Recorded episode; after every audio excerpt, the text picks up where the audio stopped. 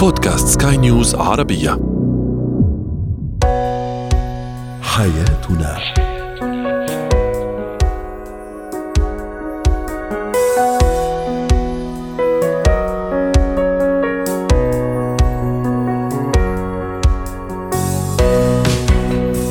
مستمعينا الكرام أهلا بكم معنا إلى حياتنا فضاؤكم اليومي الذي يعنى بشؤون الأسرة وباقي الشؤون الحياتيه الاخرى والذي يمكنكم الاستماع إليه عبر منصة سكاي slash podcast وباقي منصات سكاي نيوز العربيه الاخرى شاركونا عبر الرقم البرنامج 00971 561 ثلاثة. رقم الواتساب.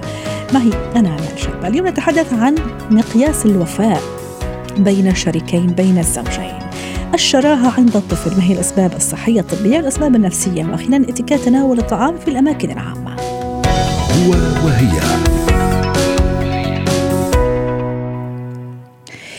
كيف يفكر الأزواج المخلصون والزوجات المخلصات؟ كيف يفكرن؟ ثم ما هو مقياس الوفاء أو الإخلاص بين الزوجين؟ للحديث عن هذا الموضوع رحبوا معي بلما الصفدي الاختصاصية النفسية والأسرية ضيفتنا العزيزة. أهلا وسهلا بالأستاذة لما أهلا فيكي أهلا النور حياك الله. أستاذة لما اليوم نتحدث عن صفة في غاية الروعة. في بعض الأشخاص يقول لك والله لسه موجودنا في هذا العالم في هالدنيا الحلوة والجميلة. الدنيا لسه بخير. وفي ناس يقول لك لا والله خلاص بطل في هذا الشيء الجميل اللي هو الوفاء. وعم نحكي بشكل عام. عن الوفاة ثم نعمل إسقاطنا اليوم على الزوجين وعلى الشريكين. سؤالنا التفاعلي كان ما هو مقياس الوفاء بين الزوجين؟ دعيني أقرأ بعض التعليقات. راح أبلش بتعليق شوي سلبي ما دام عم نحكي على الرأي والرأي الآخر تعليق يقول حمدي في هالزمان لا يوجد وفاء وإن وجد فمقياسه الحب والصبر والتضحية. جميل يعني في وفاء بالنسبة لك. آه، تعليق آخر يقول الوفاء بين الزوجين هو أن يتمسك كل طرف بالآخر لآخر لحظة قدر المستطاع يقاس وفاء الرجل عندما يمتلك كل شيء ويقاس وفاء المرأة عندما لا يملك رجل أي شيء. الاحترام ثم التفاهم ثم الحب. تعليق يقول مقياس الوفاء هو الاهتمام. شو يعني وفاء أستاذة لما شو يعني أني أكون وفية لزوجي أو أكون وفية لزوجتي؟ شو مقياس هذا الوفاء؟ وهل يختلف؟ تختلف معاييره من شخص لآخر ومن كابل لآخر. هو ال- للأسف يعني كمجتمعيا يقاس دائما كلمة وفاء بالعلاقة. يعني وهذا أنا أعتبره بأنه هي كلمة جدا بمعنى. لنمط العلاقة. بناء معنى بأنه الوفي هو فقط المخلص للشريك بحيث أنه ما يكون في شريك آخر. فهي ارتبطت كلمة الوفاء دائما بكلمة بأنه هو مثلا ما تزوج علي ما في حد ثاني بحياته غيري فهو شخص وفي. كلمة الوفاء للمرأة بأنه هي وفية لزوجها آه، مثلا ما في حد بحياتها. ولكن كلمة الوفاء على أرض الواقع هي كلمة أكبر بكثير حتى من هذا المفهوم. لأنه أحيانا الوفاء يلخص بالإنسان لما هو بيكون بأزمة وشريك حياته بيكون جنبه. يلخص لما بيكون الإنسان مريض وشريك حياته موجود بجانبه وداعمه. لما يلخص مثل ما بنقول في السراء والضراء. فأنا بعتبر بأنه تحديد مفهوم الوفاء فقط بمفهوم الإخلاص هو يعني كثير نحن حدينا منها لهالكلمة مم. الكلمة أعم بكثير الوفاء هو إنه نحن نكون سعداء لنجاح الآخر يعني جميل أنت بتعرفي أحيانا مثلا ممكن هو يساعد زوجته لتنجح تكون إنسانة مهمة فعالة هذا وفاء.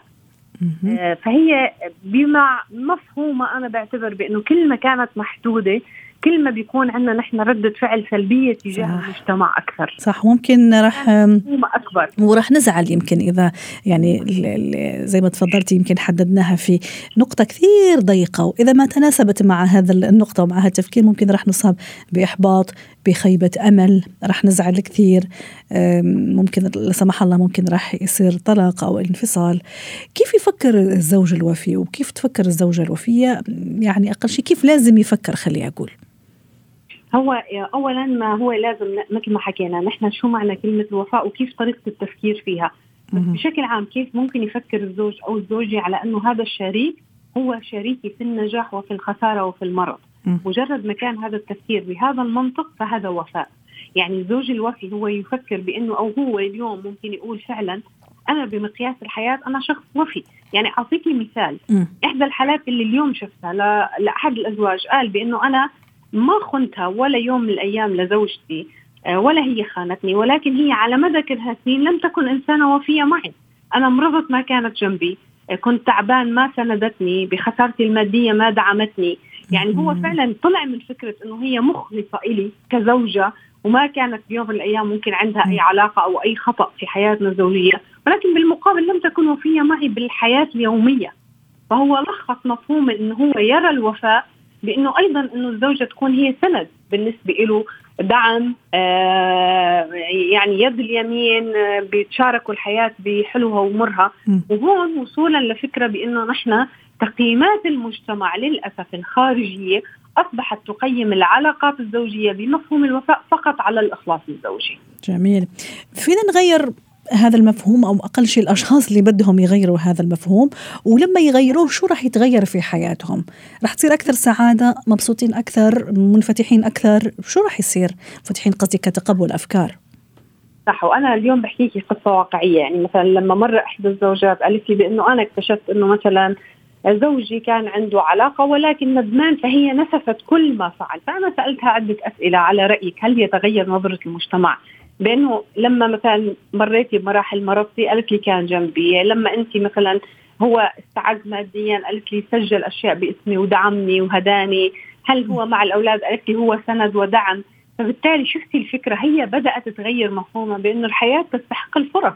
يعني مستحيل نحن كبشر ما يكون في أخطاء بالمجتمع ولكن نحن هون ما عم نشجع على الخطأ. هون بين قوسين يعني وخط أحمر. طبعا هذا ليس طبعا. تشجيع على الخطأ ولكن لأنه نحن عم نحكي واقع. وليس مثالية في الحياة. تتحمل بأنه أكيد في أخطاء كثير بتصير بحياة الشريكين ممكن حتى زوجة ثانية زواج متعدد ولكن بالنهاية يقاس مفهوم الوفاء. ورغم هذا مش خطأ يعني إذا كان ضمن معاييره الصحيحه لا لا لا أكيد. ولكن هي الفكرة بأنه أحيانا زوجة تكون مثلا تكتشف بالسر ولا تكون متقبلة. م. فبالتالي نحن هون عم نقول على إنه هي بالنسبة لها ممكن تعتبر الموضوع جرح. صحيح. بأنه أنا مثلا اكتشفت إنه متزوج من خمس سنين ولم يشهر هذا أو لم يأخذ موافقة فممكن تعتبره إنه بالنسبة لها مؤذي. صحيح. طب كيف أعزز موضوع الوفاء عند زوجي عند زوجتي؟ كيف أعزز هذا المفهوم؟ يعني هو المفهوم عن طريق إنه دائما أنا أسقط الضوء على الإيجابية اللي فعلها الآخر. وهذا للأسف نحن عندنا بنعتبر إنه لو سلطنا السلبية على اللي يفعله الآخرين فأنا بالتالي عفوا فبالتالي هذا أفضل أنا مسيطرة. لا بالعكس أنا بسلط إيجابية على الآخر. أنت اليوم ساعدتني مع الأولاد بالحياة الواقعية أنت أكرمتني فالشكر الثناء لأنه نحن بنعرف في شيء بالحياة اسمه تعزيز إيجابي اللي هو أنا لو أعطيت الآخر تعزيز إيجابي افعال إيجابية سيقوم بتكريرها. حتى الوفاء بال يعني مجرد وعد ممكن أنا أعطيه أو هو يعطيه ورح نوفي به كمان هذا نوع من أنواع الوفاء. شكرا لك استاذه لما صفدي اسعدتينا اليوم بهذا المشاركة وأتمنى لك أوقات سعيدة. زينة الحياة. إذا طفلي قليل أكل هذه مشكلة. وإذا طفلي كمان كثير الأكل عفوا أو أكول أو شره كمان هذه مشكلة. نتعرف اليوم عن الأسباب أو الشيء الطبية الصحية اللي تخلي طفلي دائما يحب يأكل. ما يشبع بين الغداء والعشاء يعني عنده محطات كثيرة في, في الأكل. وبين فطور الصباح والغداء كمان محطات كثيرة لا تنتهي من الأكل. في أسباب طبية ثم في أسباب نفسية دعونا نتعرف على تفاصيل هالموضوع رحبوا معي أول شيء بالدكتور أحمد عبد العال استشاري طب الأطفال ضيفنا العزيز من أبو ظبي. أهلا وسهلا بالدكتور أحمد. إيش السبب أو شو ممكن يكون يقف وراء شراهة طفلي في الأكل؟ ما يشبع يا دكتور. حتى إني خايفة يكون بدينة وخايفة ما عليه من السمنة. أحيانا لا والله جسمه حلو ويعمل رياضة ونشيط لكن كثير الأكل. هل الموضوع يخليني أقلق ولا لا؟ دام صحته طيبة وأموره طيبة ما في مشكلة. أهلا بك يا مال أهلا وسهلا.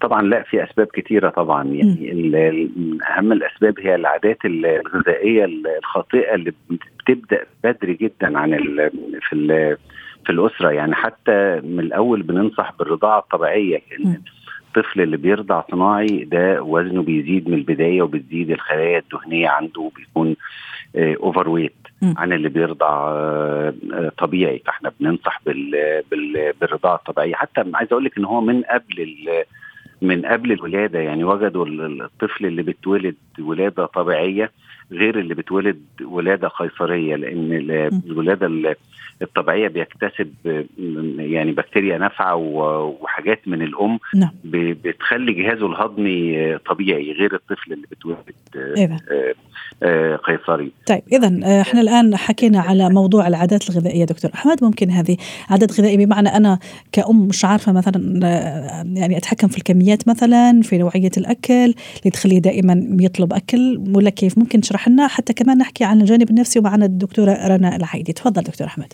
هو ال ال الكميات طبعا مهمة بس اللي أنا م. يعني لفت نظري كلمة يعني كويسة قلتيها مش الكمية النوعية. جميل. نوعيه مش أنا يعني ابني بياكل كتير يبقى هو عنده مشكلة لأ بياكل غلط فوزنه هيزيد. فهو المشكلة مش مش كمية الأكل قد ما هي طبيعة الأكل اللي, الطفل بياكله.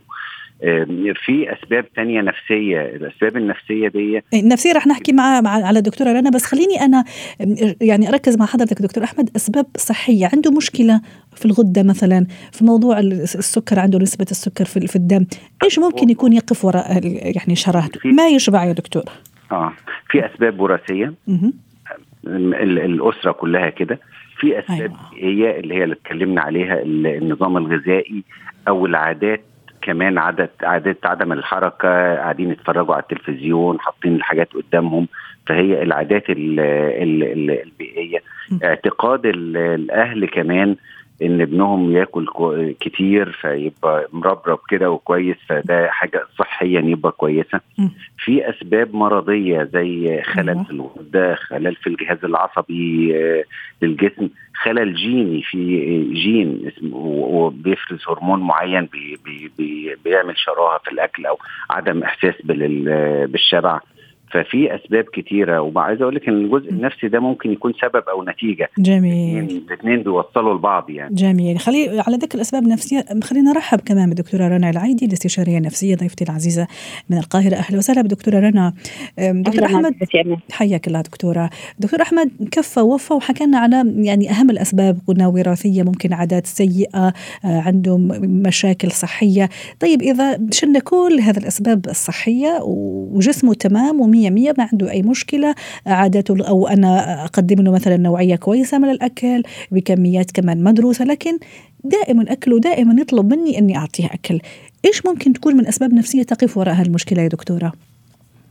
نعم آه، مشكلتنا مع شراهة الطعام عزيزتي أنه طبعا يكون تناول الطعام بكميات كبيرة وبسرعة وفي وقت قصير.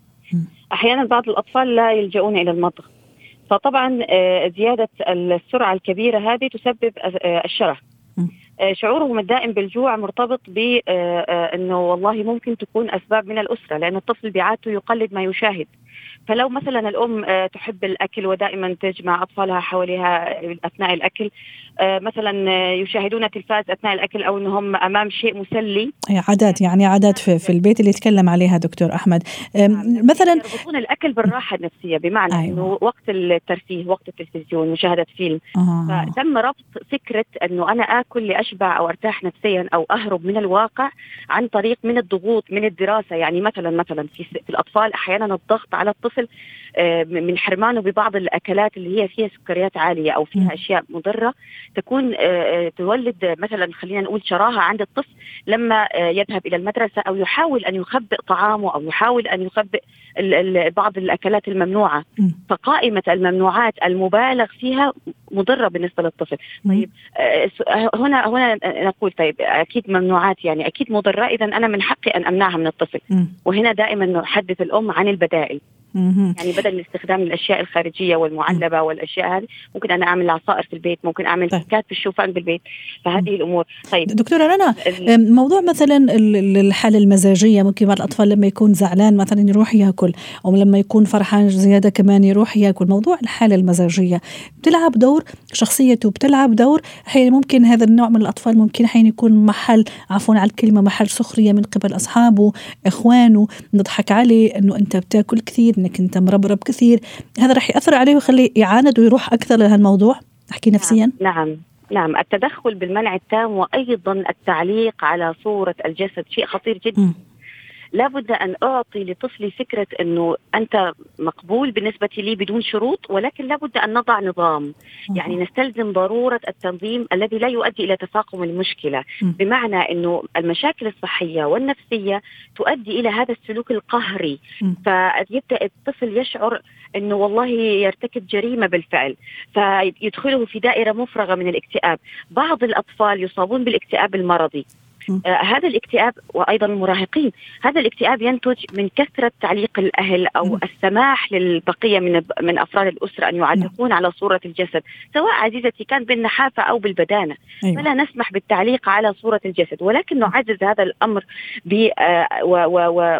بعدم إحساسهم بالذنب أو بإنه يصلون إلى العزلة المجتمعية جميل. آه خاصة وإنه أنا احذره وفي نفس الوقت أوجد له البدائل. أيوه. نفس الوقت ومو فقط احذره كمان دكتورة رنا قبل ما نروح لدكتور أحمد مو فقط احذره أوعيه أفهمه ليش يا ماما ممنوع إني آكل كثير مثلا وكل فترة وفترات متقاربة وأكل مش صحي.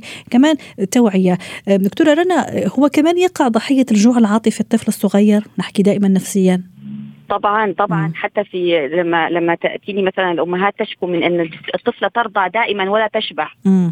فنبدأ ب ب ب بالرجوع إلى حتى شوفي من العمر وهو رضيع. نبدا بإحساس إنه مثلا الأم تنفر أو تبعده أو إلى آخره. فيبدأ يشعر بإنه يريد الالتصاق بها. كيف؟ ما هي الطريقة التي ألتصق بها؟ ما هي الطريقة الوحيدة التي ألتصق بها؟ واضح. هو الرضاعة. واضح وعندما يصل لعمر السنة ونص يكون يعني لسه مخلص أكله ولكن يريد أيضا أن يتم رضاعته أيضا.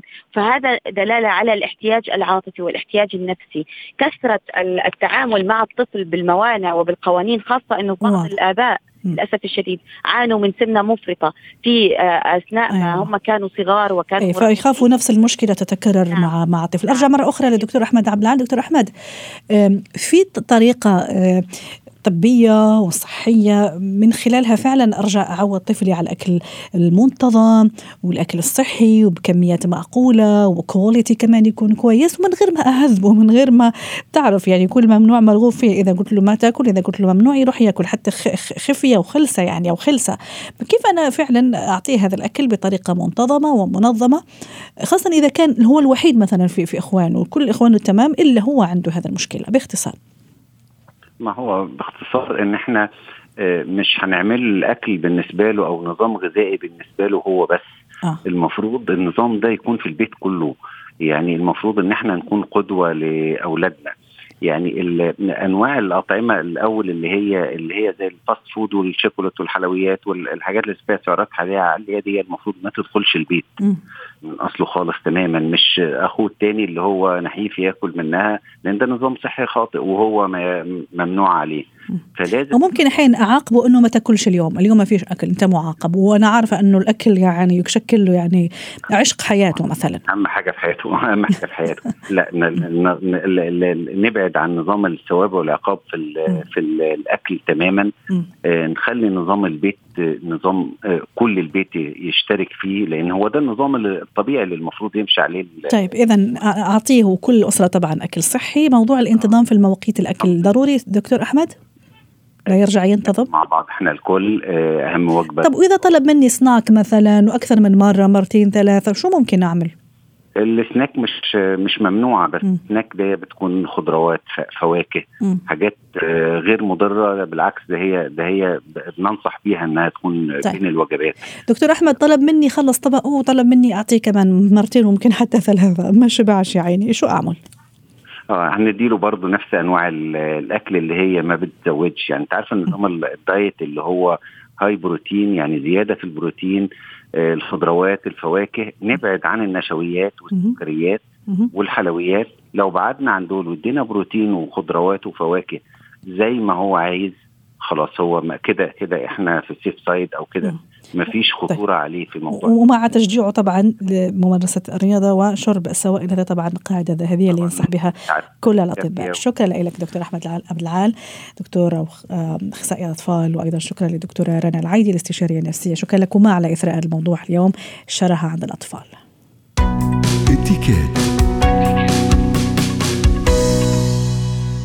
يمكن رح نكمل مع موضوع الأكل لكن هذه المره في اتيكات والأماكن العامة مطاعم ممكن حتى في العمل في في, في يعني في في عملنا؟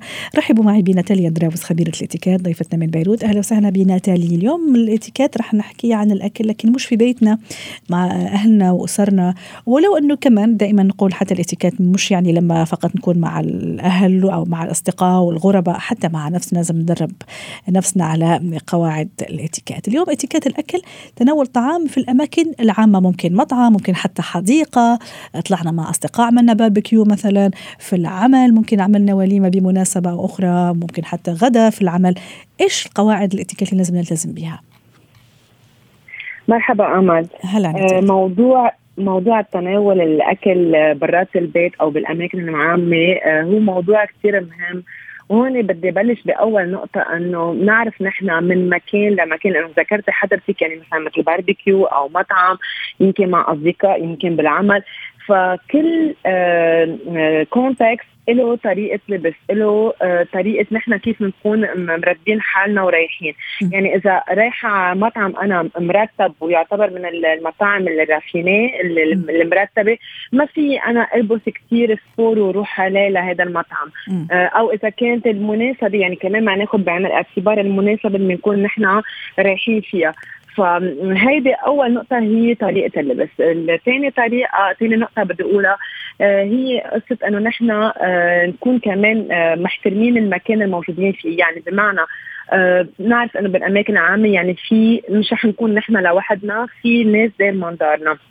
وبالتالي هون أكثر شيء بتحصل وقت ما نكون ضمن مجموعة أصدقاء وبتعرفي يمكن في أيام بنكون مش شايفين بعضنا آه، لفترة من الزمن وبنكون مبسوطين ببعضنا وبيكون في أجواء ضحك واجواء مزح وأجواء يعني فيها عجقة.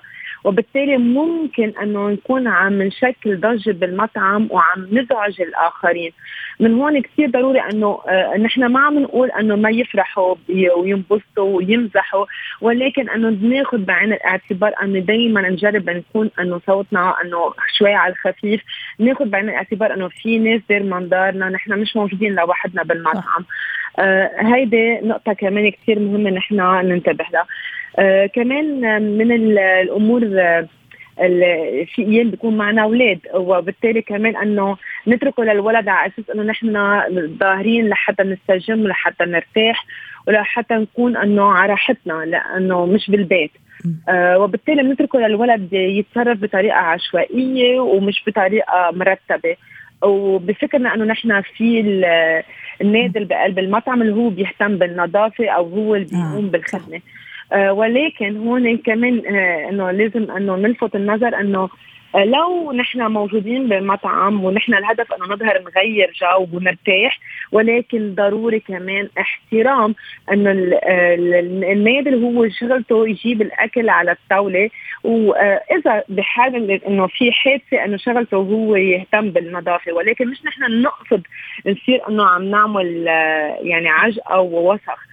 فنحن مسؤولين عن أطفالنا ومسؤولين نحن نعلمهم كمان أصول آه الأكل والاتيكيت المائدة من هن وعمر صغير هذه كمان كثير ضرورية.